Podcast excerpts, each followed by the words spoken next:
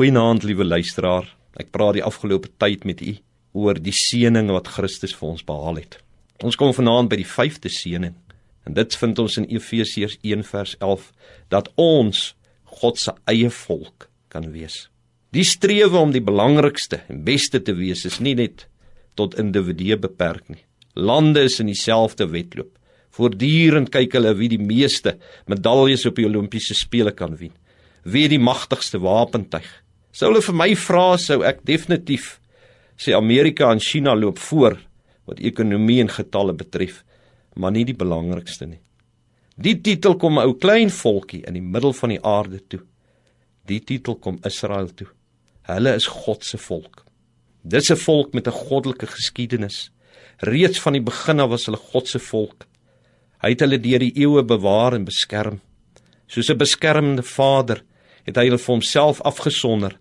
Hulle was sy volk. Hulle voortbestaan sou hom verheerlik.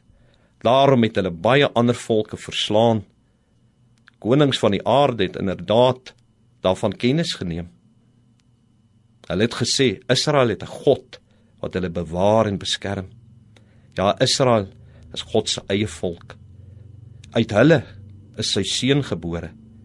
Dis na hierdie land wat Jesus gekom het en in hierdie land lê sy voetspore. Dit is absoluut fantasties. Dit is so voorreg om te weet jy is God se eie volk. Dit laat mense sommer jaloers voel en laat mense wonder hoe kan ek maak om deel van God se eie volk te wees? Moet ek nie dalk begin om die Joodse tradisies na te volg? Moet ek nie dalk die Joodse feeste onderhou nie? Sou dit nie help dat God my sal raak sien nie? Nee, jy hoef nie jou identiteit te verander nie. God het klaar vir jou deur oopgemaak om sy eie volk te word.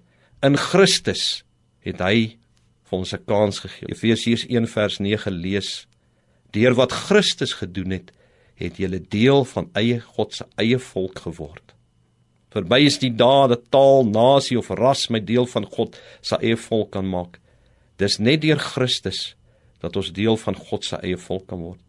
Wil jy deel word van die belangrikste en die grootste volk wat bestaan? neem dan vir Jesus aan en word deel van 'n geseënde volk wat volksgenote het reg deur die wêreld.